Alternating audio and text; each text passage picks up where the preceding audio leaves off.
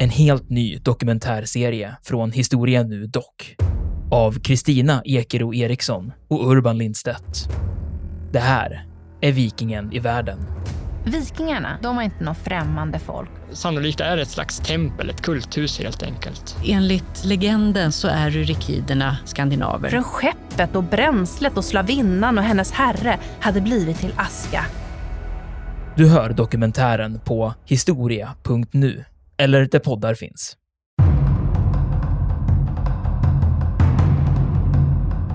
Alltså många tyska soldater föll helt enkelt vanliga alltså civilbefolkningen helt enkelt klubbade ihjäl dem. De stack ihjäl dem, de högg ihjäl dem med spadar, med käppar och allt möjligt eh, innan, de, innan de fick tag på sina vapen. Många fastnade i träd och sånt där. Alltså väldigt makabert. En 70-årig gubbe, det finns en berättelse om en 70-årig gubbe som, som eh, bankade ihjäl en tysk med sin käpp. Liksom innan han, eh, medan han var intrastad i sin egen fallskärm. Och eh, extremt många tyska soldater dog ju, precis som du säger här. De blev ju anfallna direkt i luften. Många var ju döda långt innan de ens hade, hade kommit ner på marken.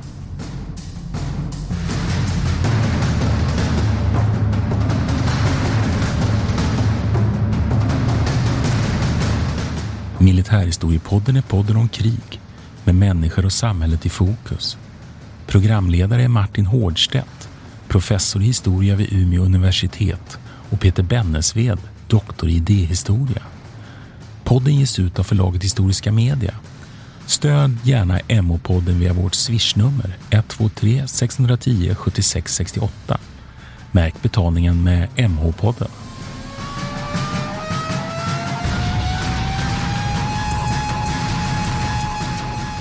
Välkomna till Militärhistoriepodden. Det här är Peter Bennesved. Och jag heter Martin Hårdstedt. Och idag ska vi snacka om Kreta, luftlandsättningen 1941. Ja. Och den stora frågan då som, eh, som man kan inleda med, det är ju helt enkelt varför? Vad ska, man, vad ska, man till med, vad, vad ska Hitler med Kreta till? Ja, då hade man ju först avslutat ju Balkanfälttåget. Det har vi ju klarat av i ett avsnitt här. Och då är vi i slutet av april, eller hur? Och sen börjar man diskutera den här frågan om Kreta och, och det är faktiskt just som du säger en fråga om varför skulle man ta Kreta?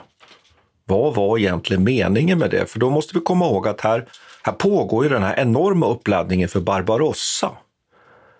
Och Hitler och i övrigt alla andra är ju helt fokuserade på detta i den, i den tyska krigsledningen. Så det är mot bakgrund av det man fattar det här beslutet.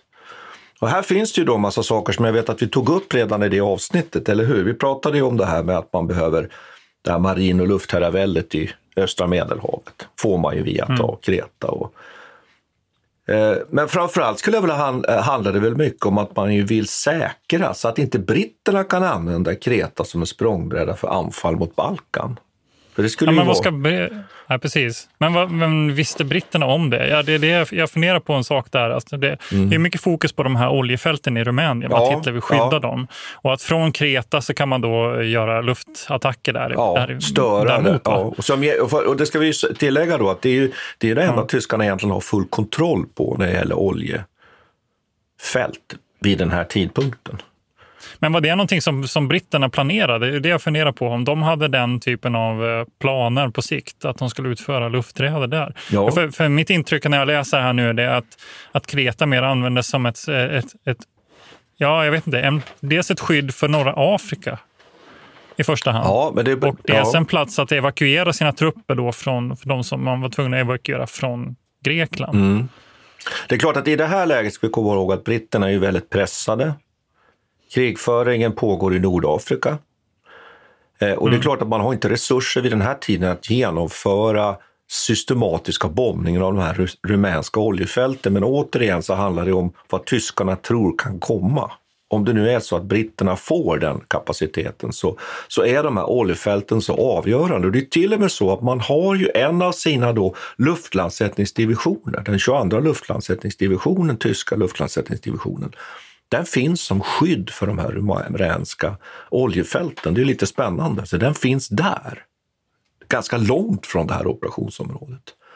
Och sen så tycker jag en sak som vi kan ta upp till, till diskussion här som är väldigt spännande och den är ju egentligen att vid den här tidpunkten så behärskar ju Tyskland och Hitler hela det icke-sovjetiska Europa.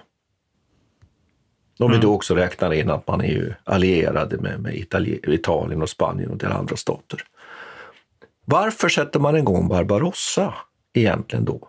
Så småningom under sommaren 41. Varför satsar man inte på att fortsätta nu här? Balkan, Kreta, ja, Cypern, kanske ta Malta till exempel och sen mm. går Nordafrika, Suez. Man skulle kunna tänka sig liksom på något sätt att, att man attackerar och tar det, det brittiska Mellanöstern.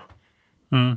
Men då ska, man, ska man dra till med en ideologisk förklaring här nu då? Att det handlar om att knäcka liksom, Sovjetkommunismen? Är det det? För, jag menar, där är ju ändå Hitler, är ju ett av hans, eh, han, han tänker ju sig att han, Tyskland kommer aldrig få vara i fred förrän den dagen Sovjetkommunismen är, bege, är liksom besegrad. Ja, det är klart att det är, det är ju en av de stora förklaringarna. Men om man tittar på det lite mer utan den där ideologin så skulle man ha kunnat tänkt sig faktiskt en annan riktning på den tyska krigföringen här efter, får man ju säga då, promenadsegen på Balkan. Det går ju väldigt lätt på Balkan. Men då fattar man beslutet om den här luftlandsättningen och den får man lite nöta in i i överkommandot, i staberna i Tyskland, är man inte så intresserad av det här. Det är framförallt Hermann Göring som låter sig övertygas av Kurt Student, som är den som är chef för den här luftlandsättningsdivisionen, den sjunde luftlandsättningsdivisionen som han har. Och han lyckas sälja in den här planen och den godtas så småningom då, mot egentligen då eh, det övre ledarskapets rekommendationer så antar man den här planen. Då den 20 april så, så bestämmer Hitler då i ett sånt där direktiv då att operation Mercurius, alltså luftlandsättningen på Kreta, mm. ska genomföras. Och då tycker jag här att Malta var ju faktiskt ett, ett spännande alternativ. För det är egentligen mm. det som, som eh, OKV, alltså överkommandot, egentligen vill, staberna vill hellre. För det hade varit, som Aha. du var inne på, då, viktigare för, mm. för skyddet av Nordafrika vid den här tidpunkten. Att stoppa upp mm. egentligen hela, det var ju egentligen som ett vad ska jag säga, fast hangarfartyg, den där lilla ön Malta. Men där menar ju Kurt Student, då, som är den som är experten här, att det är omöjligt att ta den ön med en luftlandsättning. Därför att den är för väl den är för väl försvarad och terrängen medger inte då en, en överraskning och så vidare. Han, han menar är den för liten? Eller? Jag vet inte hur de här öarna, men Malta är väl betydligt mindre än, än Kreta? Är, ja, Kreta är en ganska stor ö. Ja, och att man menar att det skulle vara då helt enkelt väldigt, väldigt svårt att sätta ner de här eh, fallskärmsjägarna så att de hinner samla sig innan de blir anfallna. Medan så precis som du säger, Kreta är ju mer som en, en, en lång korv. Mm. Där det går liksom en väg och där det finns då tre stycken flygfält längs mm. egentligen, men kan man säga den norra kusten. Och vi har ju övat nu lite på de här namnen, Peter. Visst har vi gjort det? Mm. men vi har ju kommit fram till att eh, Maleme är ju det som ligger längst västerut. Det är ju det till flygfältet som kommer att bli mest intressant här också. Det är ju där som det hela mm. avgörs.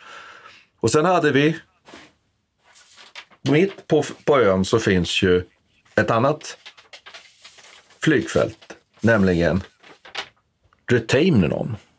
Eller vad säger du? Retymnon? Ja. Retymnon. Ja, jag skulle säga Retymnon. Retymnon, jag, jag, där jag, du ju har varit. Där du har varit som tolvåring på, på besök. Ja, precis. Jag tänkte, det är alltid kul att nämna när man har varit på plats, eh, men just i det här fallet så vet jag inte om det är någon merit direkt. Jag tror att det var som, jag var magsjuk i halva resan också. Det var inte så jättekul. Ja, jag, blev men ganska jag, för, ja, jag blev helt förfärad när du sa att du knappt kände till luftlandsättning. Du höll bara på med antiken. Nej, men jag var helt ointresserad. Jag var helt eh, fokuserad på det antika arvet där, när jag kommer ihåg när jag var på plats. Eh, men, men det, det är ju så här i vuxen ålder hade man kanske varit mer intresserad av, av det andra. Men Maleme, det, ja, Maleme ja. Retymnon och Heraklion längst mm. österut. Där finns det då tre stycken. Och det här var väldigt gynnsamt menade då Kurt Student, att det gick att, att släppa fallskärmsjägare initialt för att ta de här tre flygfälten och sen då helt enkelt få in ganska snabbt eh, förstärkning. Och det här tycker jag är något som vi direkt tycker kan ta fasta på att när vi pratar om luftlandsättningsförband vid den här tiden så är det ju inte bara fallskärmsjägare som hoppar med fallskärm. Mm. Nej, utan det är ju också i stor utsträckning, kanske egentligen till större, större delen faktiskt, så att man ju för in de flesta med glidflygplan.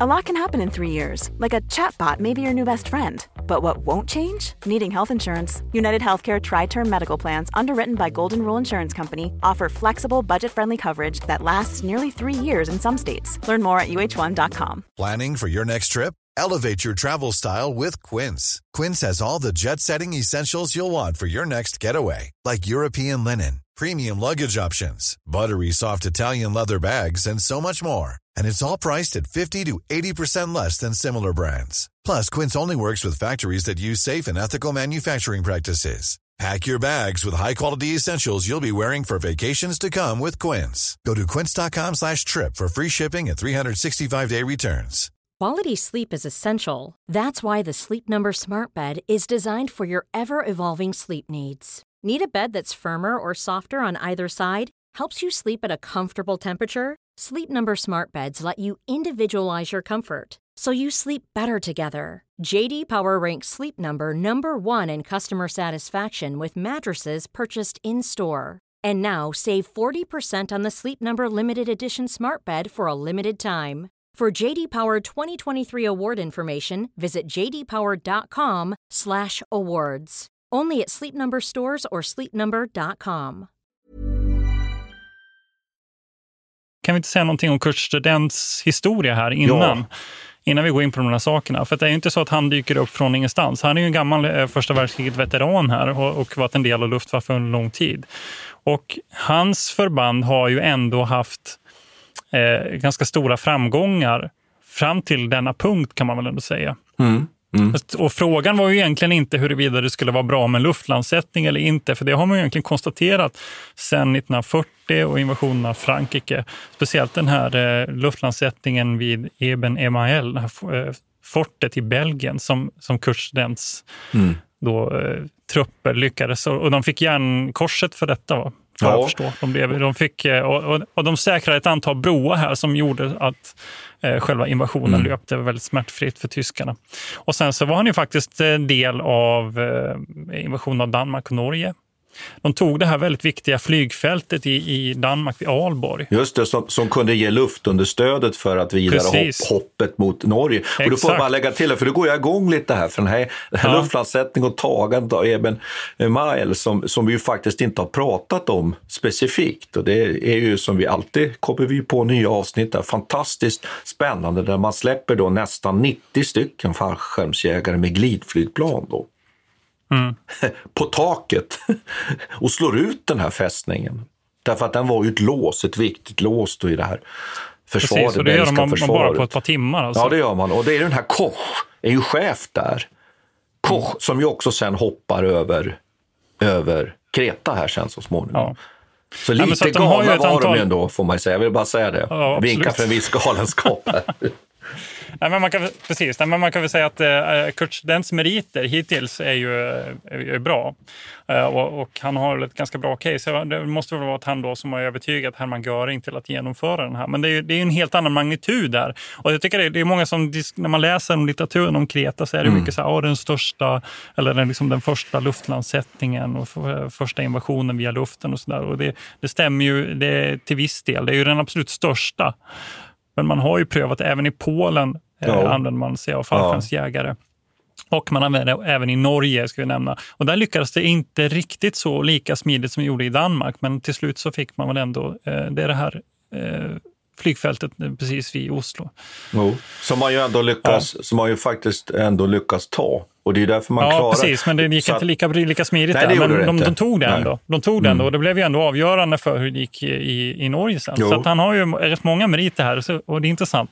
Men som, den stora frågan tycker jag Martin, nu ska jag pröva det se, se om, du, eh, om du kan svara på den här Hjälp. gåtan.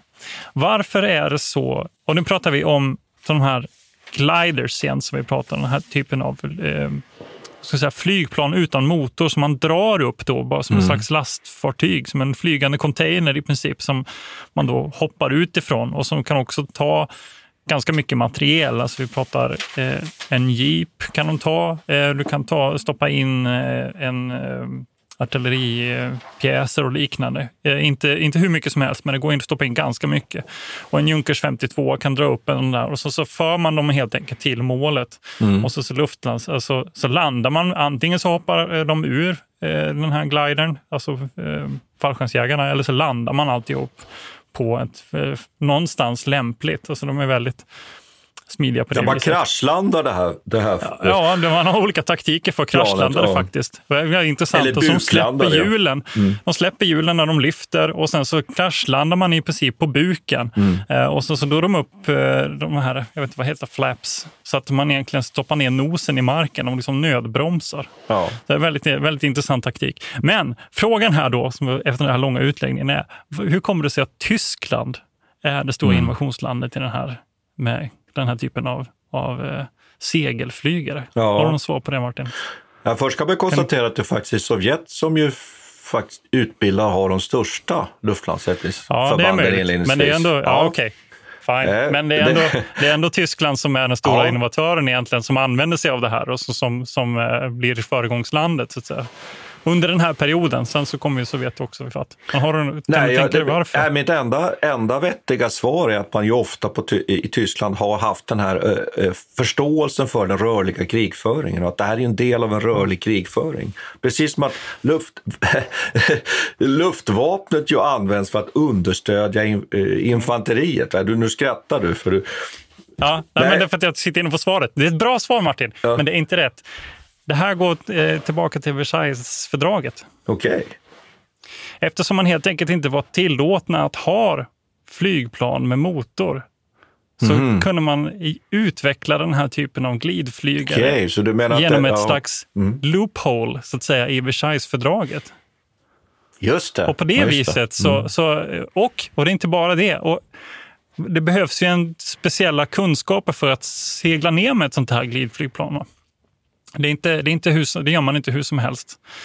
Det är också så att eh, den här typen av glidflygarpiloter, då sätter man igång under mellankrigstiden ett antal stora eh, det, säga, föreningar och det blir som en slags folktävling i segelflyg. Mhm. Okej. Alltså, så du har, Mm. Vid krigsutbrottet så har man i Tyskland ungefär 200 000, eller 180 000 kan man säga, eh, segel, alltså civila se, segelflygspiloter som man kan använda sig av. Okej, så, att det är för- så att det är liksom den här eh, eh, begränsningen av Tysklands. Okej, det var imponerande Ja. Peter. Kan det vara första gången som du kan någonting som jag inte kan? Kan det vara så?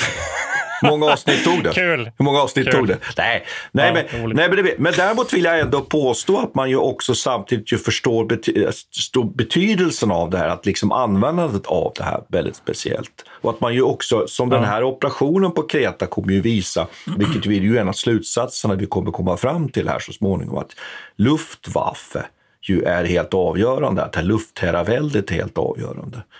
Vi har varit inne på det här flera Absolut. gånger. Och det är det man lär sig bland annat då i Spanien naturligtvis, att använda det här som vi idag skulle säga på engelska kalla för close air support.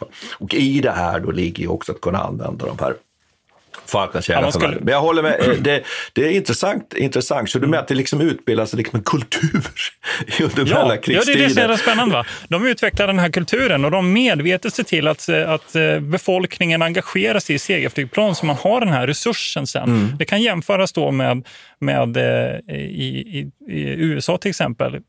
När de engagerar sig, de använder ju väldigt mycket av sådana här glidflygplan också sen. Men de hade ungefär 3000 segelflygplanspiloter som man kunde använda sig av vid, Okej. när de gick med i kriget. Just Till skillnad då från 186 000 i, i Tyskland. Så ni förstår Mhm. vilken resurs. Jo, jo. En helt annan, helt. Men sen kan man också ifrågasätta, så här, ja, de, de, de använder sig av det här och det är en stor innovation, men hur användbar var den efteråt? Att man slutade ganska snabbt på det här. Vid, vid vid 50-talets början så är det ju egentligen ingen som använder sig av den här typen av eh, segelflygplan längre.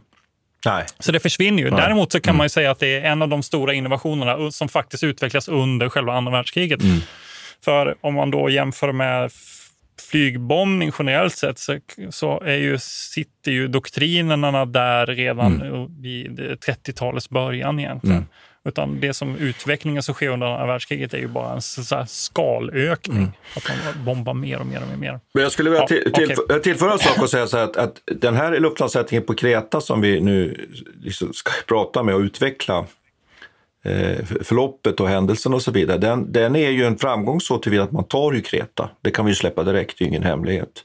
Samtidigt har man stora förluster och det blir ju sista gången som tyskarna igen använder luftlandsättning. Ja, precis. Ja, men då övertar man ju det istället på den allierade sidan och där kommer det sen att användas vid flera tillfällen. Luftlandsättning på Mm. Sicilien som uppfattades som bitvis katastrofal från de allierades sida, men som en enorm framgång ifrån de som försvarade Sicilien, tyskarnas sida. Och sen har vi ju de stora luftlandsättningarna i äh, samband med, med Normandielandstigningen och sen Market Garden, alltså Arnhem och så vidare. Men det får vi ju komma till. Så det tas ju upp den här, och den här eh, idén att kunna luftlandsätta med överraskning, flytta stora truppmassor plötsligt bakom fiendens linjer och anfalla. Det är klart att det är en enorm tillgång. Och det är det man gör här då. Man tänker sig att luftlandsätta fallskärmsjägare på de här tre flygplatserna, snabbt ta dem och sen flyga in med dina glidflygare här.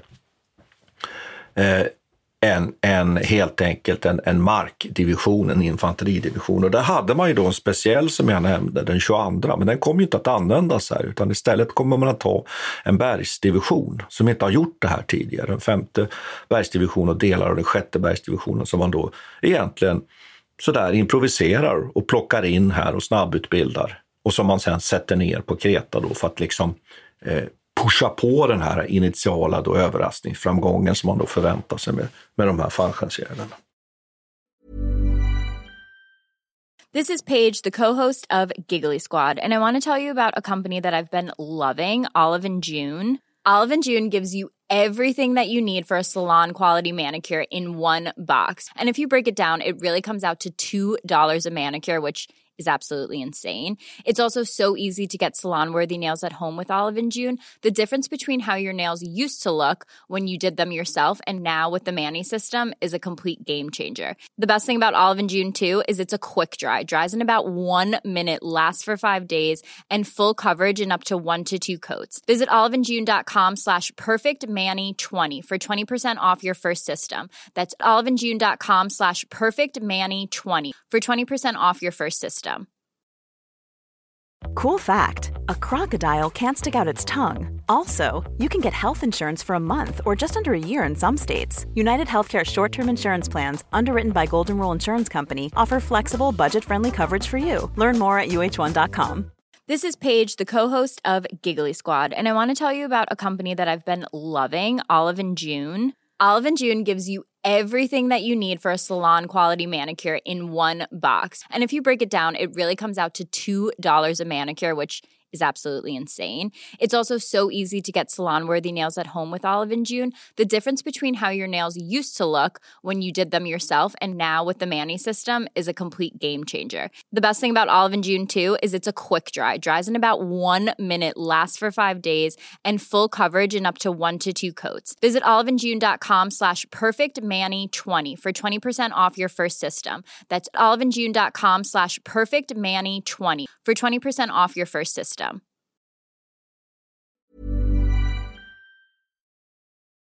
Nu har vi pratat ganska mycket om bakgrunden här. Det är intressanta grejer. Ja. Men vi kanske vi ska, ska prata om vad som faktiskt händer. Och det, det som är mest intressant är väl de här första dagarna, va? Ja, det avgörs ju Ja, på men- två men det- dygn ja. egentligen. Ja. Ja, precis. Det, är det, mest, det känns ju som att det är avgjort. Men man kan väl i och för sig säga någonting om den brittiska liksom, inställningen här till en början. De har ju en, en väldigt känd befälhavare här som heter Frey, eh, han? Freiburg, Freiburg ja. som är nyzeeländare. Ja. Och som Ja. ju inte är någon, någon gröngöling eller någonting sånt, utan det här är en mycket duglig officer, en general som finns där. Och han är ju chef för egentligen ganska stor styrka. Man räknar ju med att britterna har 27-28 000 man på Kreta.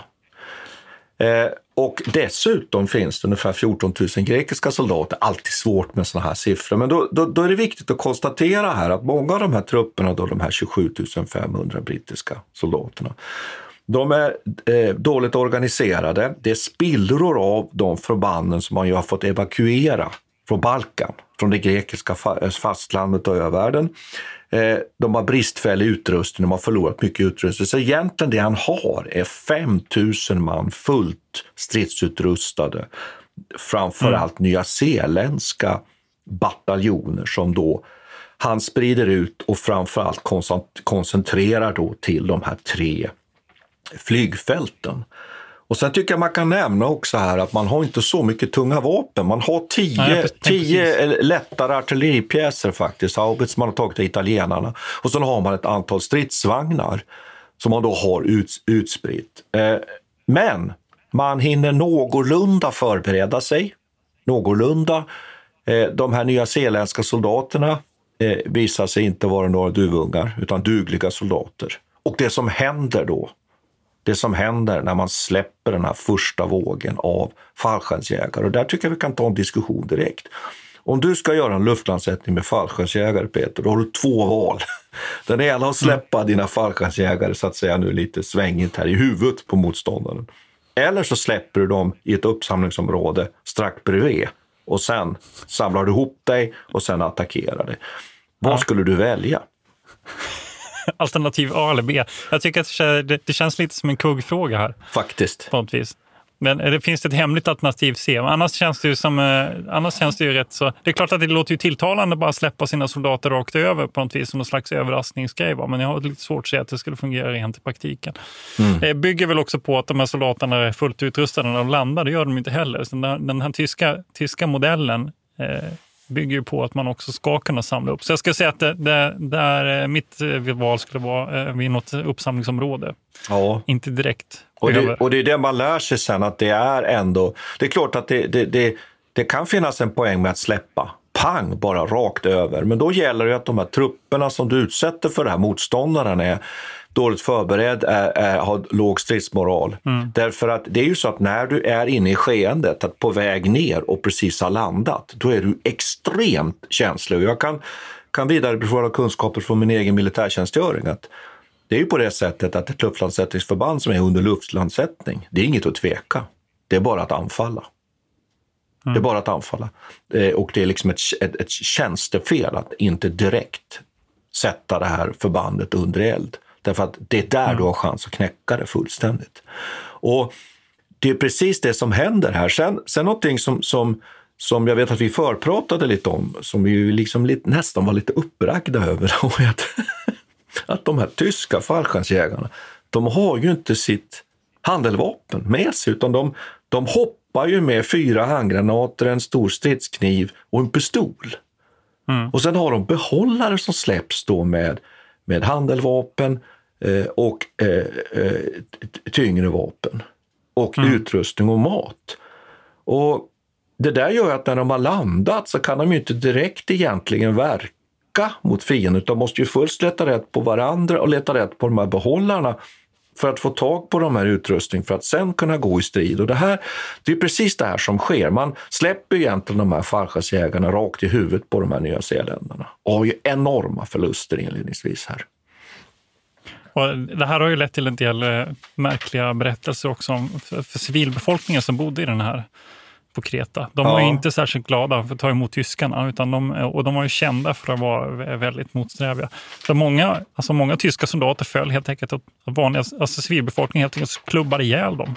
Stack ihjäl dem, de högg ihjäl dem med spadar, med käppar och allt möjligt eh, innan de, innan de fick tag på sina vapen. Många fastnade i träd och sånt där. Alltså väldigt makabert. En 70-årig gubbe, finns en berättelse om en 70-årig gubbe som, som eh, bankade ihjäl en tysk med sin käpp. Liksom, mm. innan han, eh, medan han var intrastad i sin egen fallskärm. Så man kan ju tänka sig vilken typ av...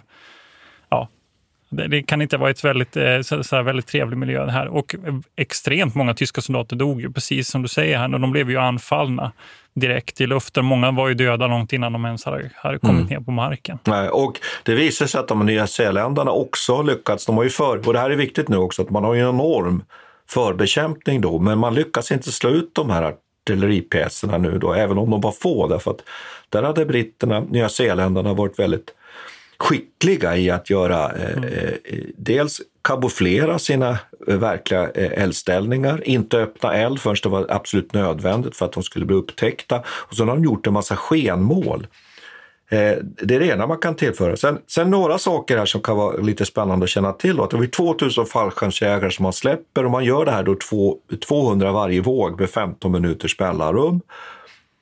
Eh, och egentligen kan man ju säga att, att i stort sett så blir ju det här en stor, ett stort misslyckande som du säger. Man släpper dem fel, de hamnar snett, de hamnar ute i terräng där de slår, slår, slår ihjäl sig helt enkelt. Och ytterst få egentligen lyckas liksom börja kunna arbeta mot britterna vid de här två platserna. Eh, det som ju sen då händer är att, att informationen är jätteintressant under den här operationen. Därför att via Enigma, Enigma, mm. alltså den här eh, kodmaskinen som finns på tysk sida, har man, har man börjat nu försiktigt att kunna knäcka på brittisk sida. Alltså man vet ju om att, att luftlandsättningen är på gång. Det är det som är så sjukt, jag fattar inte det här. Freiburg känner ju till det här. Ja. Det kom aldrig som en överraskning. Va, va, va, hur kan det då misslyckas undrar man? Han känner ju till precis allting om det här. Han vet ju, han sitter, det finns ju någon slags eh, sägen här om att han vid frukosten får reda på att luftlandsättningarna satt igång och då ska, då skulle han ha sagt någonting i stil med “they're right on time”. Ja, men då är, det, är ju då problemet att det, vet, jo, det är så härligt brittiskt. They are right on time. Ja. Eh, och det, det som är, och, det, det måste jag bara få, jag måste bara få säga att det måste ju ha varit en, vilken, vilken bil. Jag tycker att, att, att ni lyssnar, som lyssnar på det här blir lite fascinerade det här. Ska titta, det finns en del fascinerande bildmaterial hur de har släppts, de här luft, eh, fallskärmsjägarna. Nej, men det, det, spelar ju ingen roll att han känner till att detta ska ske. Jo, i viss utsträckning naturligtvis, han kan förbereda sig. Men problemet för britterna, för att ta det väldigt kort, det är ju att man har dålig dålig information, man har dålig ledning också. Och man på den tyska sidan har samlat alla ledning i, i, i liksom en eh, överbefälhavare under den här luftlandsättningen eh, mm. med väldigt klar och tydlig befälsgång. Så är det på den tyska sidan. Man samordnar ju här både Luftwaffe, flottan och även eh, luftlandsättningsförbanden och samverkar på, på, på ett väldigt bra sätt. Och det är under den här Lör då, som, som är chef då för den fjärde eh, eh luftflottan. Han är liksom överbefälhavaren här. Och han har all, all, kontroll på vad som händer och han rapporterar sen uppåt. Men på brittisk sida där rapporterar man åt höger-vänster. Till det nya zeeländska kabinettet, till det brittiska kabinettet, till, till okay. chefen, i, mm. chefen i Nordafrika och den enda soppa, den här Freiburg. Han, dessutom har han inte kontakt, alltså man har inte kontakt mellan de här tre flygplatserna och de här. Så att man vet inte, han vet inte Freiburg att försvaret ja, har funkat. Att de har skjutit bort egentligen fallskärmsjägarna. Och den här, om jag nu får uttrycka mig då, stackars befälhavaren då, vid det här första flygfältet, det som, ju, som var viktigast för, för tyskarna att liksom in, in, initialt att ta då, Maleme, han börjar fundera och börjar tvivla. Han har inte ens, han har inte än i sin tur heller kontroll över alla sina bataljoner som han har liggande runt det här flygfältet. Utan för att beskriva det här i korta drag så bestämmer han sig för att helt enkelt dra sig ifrån flygfältet, lämna flygfältet egentligen mm. öppet och de höjder som finns för att samla ihop sig, få kontakt med Freiburg och övriga styrkor på, och få understöd för att sen kunna anfalla och återta. Så egentligen kan man mm. säga att britterna genom en rad missförstånd och dålig eh, eh, kommunikation helt enkelt lämnar öppet det här fältet och det gör att mm. tyskarna då under nästa dygn då lyckas luftlandsätta fler fallskärmsjägare och börja få in då de här glidflygplanen som vi har pratat om och få in mm. den här femte eh, bergsdivisionen och få in mera trupp. Och trots att man då gör ett botanfall, britterna, som misslyckas då. Eh, eh, trots att man gör ett, eh, så misslyckas och, så, och sen är det liksom över på något sätt och då får tyskarna möjlighet att börja kraftutbygga.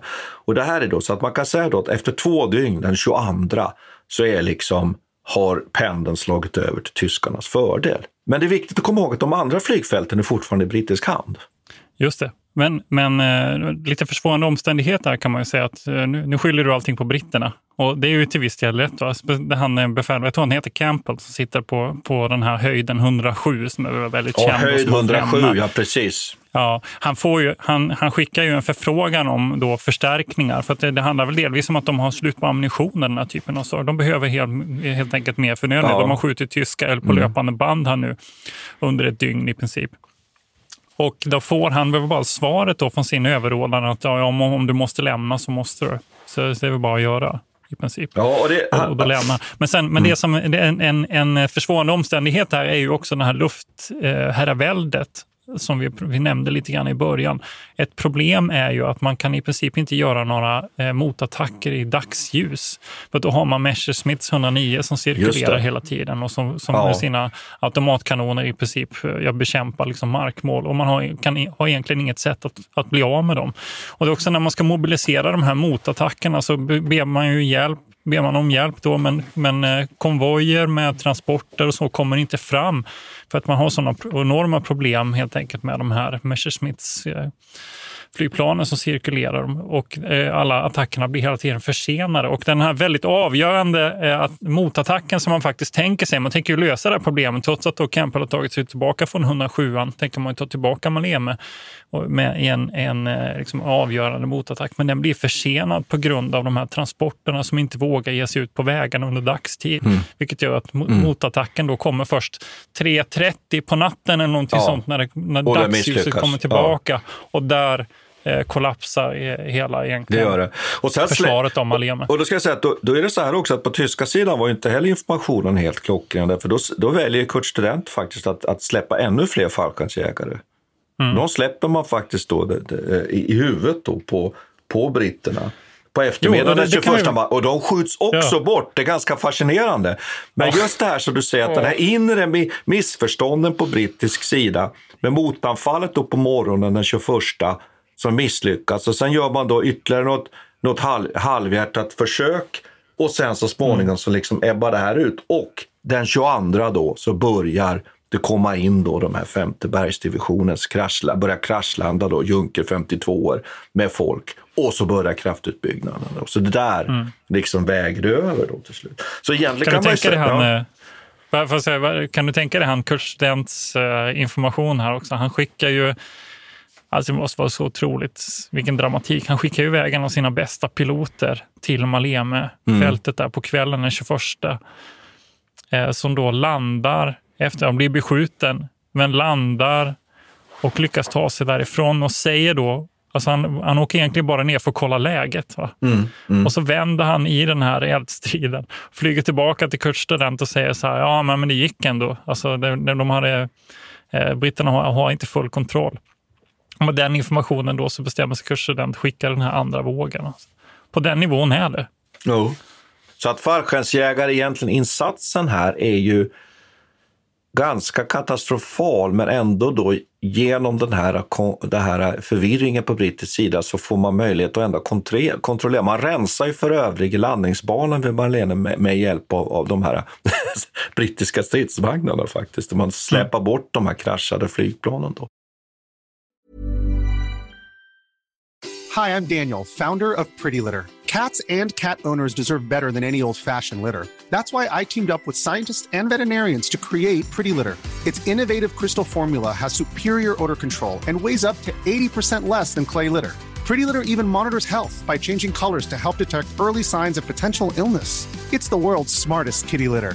Go to prettylitter.com and use code ACAST for 20% off your first order and a free cat toy. Terms and conditions apply. See site for details. Even when we're on a budget, we still deserve nice things. Quince is a place to scoop up stunning high-end goods for 50 to 80% less than similar brands. They have buttery soft cashmere sweaters starting at $50, luxurious Italian leather bags, and so much more. Plus, Quince only works with factories that use safe, ethical, and responsible manufacturing. Get the high-end goods you'll love without the high price tag with Quince. Go to quince.com slash style for free shipping and 365-day returns. Mom deserves the best, and there's no better place to shop for Mother's Day than Whole Foods Market. They're your destination for unbeatable savings, from premium gifts to show-stopping flowers and irresistible desserts. Start by saving 33% with Prime on all body care and candles. Then get a 15-stem bunch of tulips for just $9.99 each with Prime. Round out Mom's menu with festive rosé, irresistible berry chantilly cake, and more special treats. Come celebrate Mother's Day at Whole Foods Market. Sen fortsätter ju striden och det finns ju mycket detaljer och spännande saker här, men eh, britterna kommer ju så småningom att komma i underläge. Eh, viktigt också att komma ihåg att det var ju på väg en, en, en en eh, flottstyrka mot Kreta också. Och den lyckas ju britterna faktiskt stoppa upp den 21 till 22. Men här är också en sak som är lite, kan man säga så, ny. Eller åtminstone början till någonting nytt. Här anfaller Luftwaffe med enormt stor framgång den här ganska stora brittiska flottan som består av två slagskepp, ett antal kryssare, ett antal jagare och lyckas sänka 8-9 brittiska fartyg. Och det här är ju mm. den största egentligen brittiska flottkatastrofen under andra världskriget om man om man borträknar den chock som spred sig sen så småningom med två slagskepp sänktes av japanerna. Får, får, jag, ja. Ja. får jag göra ett radikalt inspel här Martin? Ja. Är, det så att den, är det så att den här händelsen tillsammans med sänkningen av Bismarck är liksom slagskeppens definitiva slutpunkt? Ja, det skulle man ju kunna säga. Det är ju flera saker som, som leder fram till det.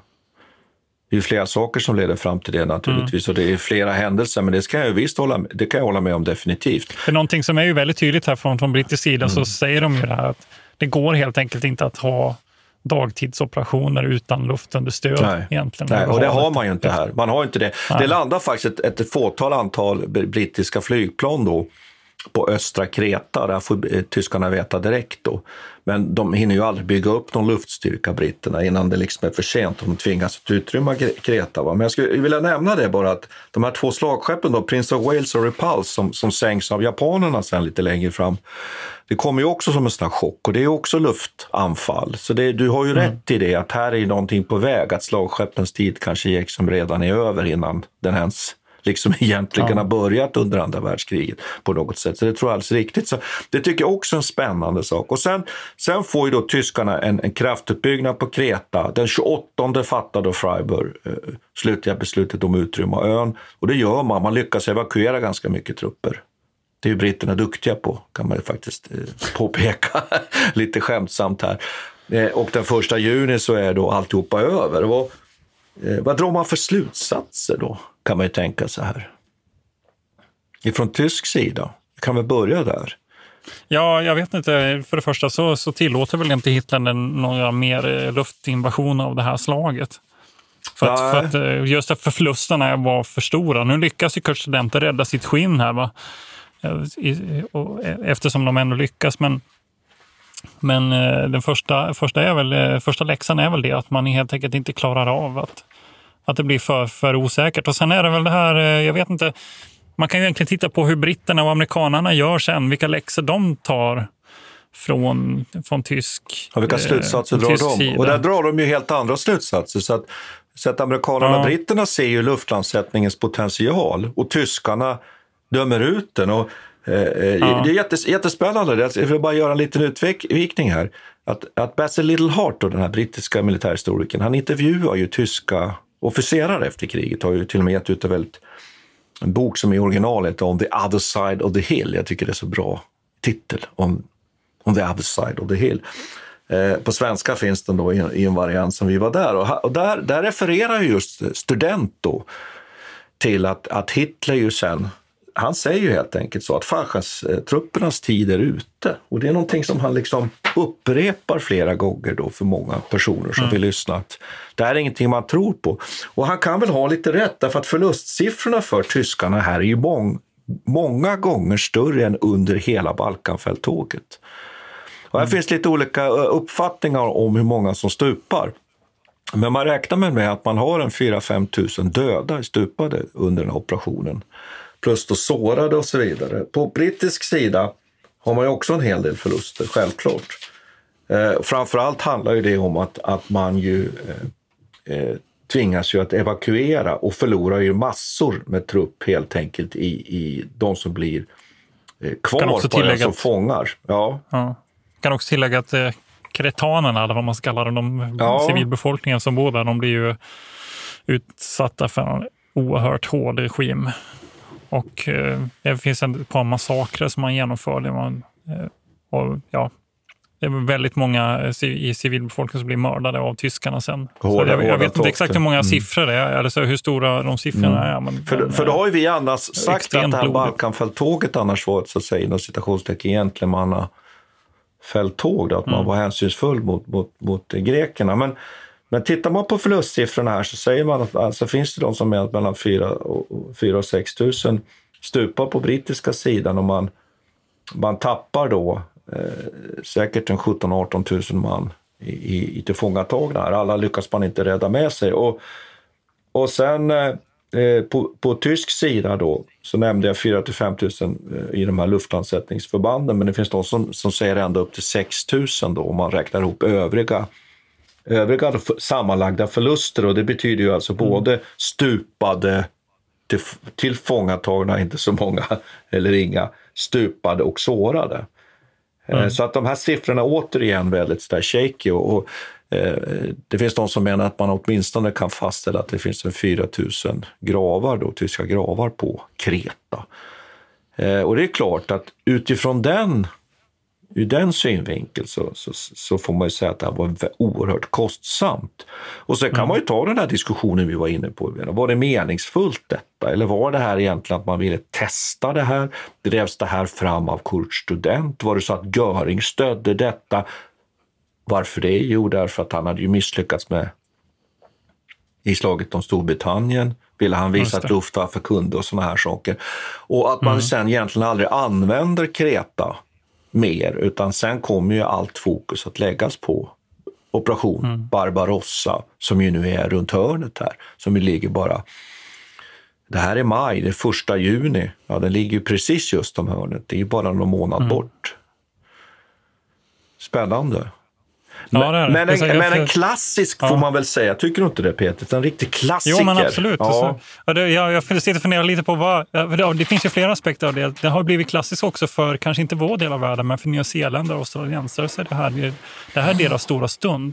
Mm. Och i, mm. i framförallt nyzeeländsk historieskrivning så är det här en mycket omskriven och eh, väldigt debatterad fråga. Mm. För att eh, om man eh, tittar i litteraturen så ser man också att Nya Zeeland, och speciellt de här maurierna, maurierna, eh, mauriförbanden. Ja, men eh, för, för Nya Zeeland ska ju det här ha varit eh, liksom deras stora stund kan man väl säga. Och i, i deras historieskrivning så är det en väldigt omtalad liksom, invasion.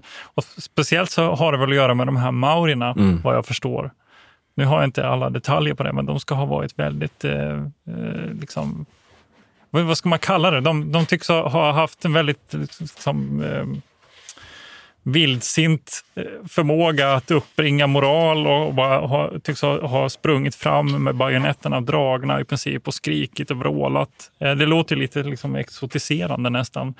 Och de ska ha gjort sådana här hacka, eh, någon slags ritual vad är det man räcker ut tungan och, och skriker på något visst sätt då, liksom, för att hota och det, det ska ha jagat bort tyskar på, i stor utsträckning. Jag vet inte, men det finns, det finns sådana aspekter av det, så vissa, i vissa delar av världen så det här, har det här blivit eh, väldigt omtalat. Ja, det är ju faktiskt... Även, ja, det är... Australiensarna blir ju också, väldigt många australiensare blir fångatagna här också av tyskarna och sitter i, i, i fångläger. Ja, det, och jag, jag, kan bara fylla på och säga det att den här andra vågen här, som vi säger, som den här andra vågen av fallskärmsjägare som Kurt Student fattar beslut om, när han inte riktigt mm. vet hur det har gått då. Eh, den landar ju, det är två stycken kompanier, den landar ju egentligen i huvudet på den där maoriska bataljonen som du pratar om. Mm. Och blir ju fullständigt egentligen mosad. Ja, ja precis. Ja. Det är väl en av de där mm. händelserna. Och det finns flera Även den här motattacken man försöker göra mot Malema tycks ha, ha eh, nästan genomförs enbart på grund av, på grund av maurierna. Och, de, ja, och de är med hela vägen till mm. slutet. Mm. Det, det, finns liksom många sådana intressanta aspekter och även, även folkrättsliga frågor här som uppstår med den här den tyska regimen sen i efterhand. Kurt Student, han blir faktiskt friad eh, från eh, de här från anklagelse om folkmord och sådär. Han lyckas hålla sig undan. Däremot de här tre befälhavarna som finns på, på plats där blir ju, två blir hängda mm. och en, eh, två blir hängda i Aten och en blir, blir eh, får sitta inne livstid tror jag. Mm. Och det, det, det mot, motsäger ju den här bilden av, av, av gentlemannakriget. Här på Kreta så, ja. så var det, ja, det var det inte ha varit någon gentlemannakrig. Och sen det finns det mycket mytbildningar mm. alltså, och, och, och, britter då som åker dit och genomför liksom en väldigt spektakulär kidnappning av den tyske nazityska eh, befälhavaren där på plats. Så mm. klär ut sig liksom mm. till i, i tyska kläder. Det finns jättemycket av sådana Det är det som ett, ett helt krig i, ett, i en liten ö, va? i miniformat. Mm. Och, och, Jag antar att det är därför det också gör till, alltså det på något vis blir enkelt att diskutera och Mm. lagom... Och återigen då att Kreta då är ju de här öarna betydelsefulla för det här med lu- luftunderstöd och luftkriget och, Ja. och sånt där. Men, men jag tycker väl att, att en sak man kan slutsats man kan dra de här sista sakerna vi har tagit upp här, att, att man vet ju aldrig vad som i efterhand blir betydelsefullt. Det är ju inte alltid det som kanske egentligen i verkligheten i då i händelseförloppet hade störst betydelse som får störst betydelse. Kan det vara så, verkligen, kan det vara så att det här Kreta och luftlandsättningen får ha en påverkan på framtiden som är mycket större än vad Hitlers kanske egentligen lite axelryckning åt det hela egentligen. Mm.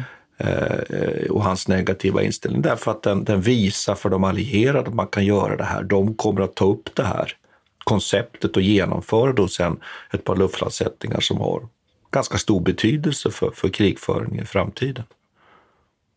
Kan, kan det bli ett, ett slutord kanske, Peter? Jag tror det. Jag tycker det blir, det blir utmärkt. Ja. Eh, vi ska ju faktiskt knyta... Bra, jag tycker, knyt- det, det, Ja, får jag bara säga ja. Martin? För, för, för jag tycker du, du imponerar idag. Att jag kunde... Det brukar, vara, det brukar vara lite svajigt ibland. Men, men, Men idag var jag eh, idag, ganska ja, vass. Men du. då ska jag säga en sak till dig. Att, att vi, vi kommer att följa upp faktiskt de här eh, folkrättsliga frågorna med ett, en podd om eh, krigs, krigets lagar Mm. och folkrätt i krig som eh, kommer härnäst. Och sen är det ju dags för Little Big Horn faktiskt. Vi ska Mm. Tillbaka till 1800-talet. Så med det får ska vi vi säga tacka. tack ska vi ha då? Tack ska vi ha. Vi tackar Peter Bennesved och Martin Hårdstedt. Kontakta gärna Militärhistoriepodden via mejl på militarhistoriepodden at historia.nu. Peter och Martin vill gärna få in synpunkter och förslag till programidéer.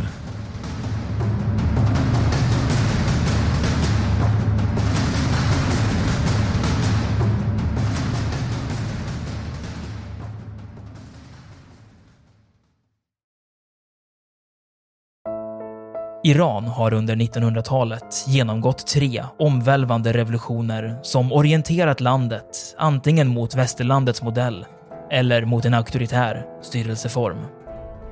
Idag pågår en social revolution i landet som vänder sig mot det islamistiska styret och vars anhängare har Europa och väst som förebilder. I en viktig bok ger idéhistorikern Mohammad Faslashemi en djupare förståelse för dagens dramatiska händelseutveckling. Iran mellan tre revolutioner är utgiven av förlaget Historiska Media. Beställ den fysiska boken på förlagets hemsida historiskamedia.se eller köp den i en bokhandel nära dig.